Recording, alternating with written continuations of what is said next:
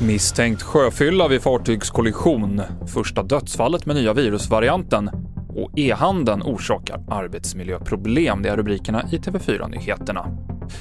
En person har hittats död på det danska fartyg som troligen blev påkört av ett brittiskt på Östersjön i natt.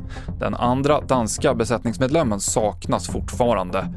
Två personer som var ombord på det brittiska fartyget har blivit frihetsberövade och det pågår en förundersökning om grovt sjöfylleri, grov vårdslöshet i sjötrafik och grovt vållande till annans död.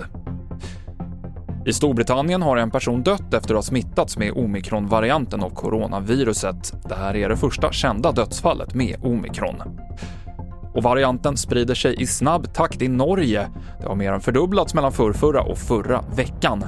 Norska Folkhälsomyndigheten säger att omikron snart blir dominerande i landet och att det kommer öka smittspridningen avsevärt. Och klockan åtta ikväll så kommer det presenteras nya restriktioner då norska regeringen håller en presskonferens.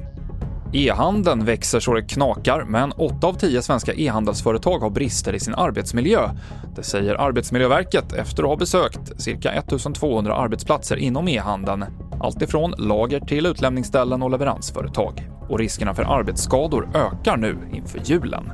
Ja, det ser vi ju och vi kan ju bara se på nyheterna eller i, i nyhetsrapporteringen att eh, bilder från utlämningsställen, det är ju otroliga volymer som eh, man ska hantera under en kort tid. Och vad kommer det för risker med det? Det kommer ju det här med stress, det kommer belastningsskador, man kanske inte tänker på att eh, man eh, hanterar väldigt mycket lyft under en dag. Jag tycker också att det är viktigt att vi som konsumenter funderar på våra köpbeteenden.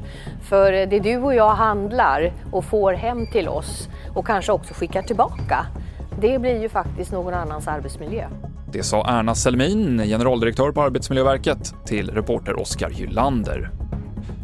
Och en kvinna i Stockholm har fått sitt hyreskontrakt uppsagt efter att ha hyrt ut lägenheten för drygt 4 600 kronor per dygn via Airbnb, det rapporterar Hem och Hyra. Dygnspriset motsvarar en månadshyra på över 140 000 kronor, lika mycket som kvinnan betalade årligen för lägenheten på Sveavägen i centrala Stockholm. Så fort värden upptäckte uthyrningen så blev kvinnan uppsagd.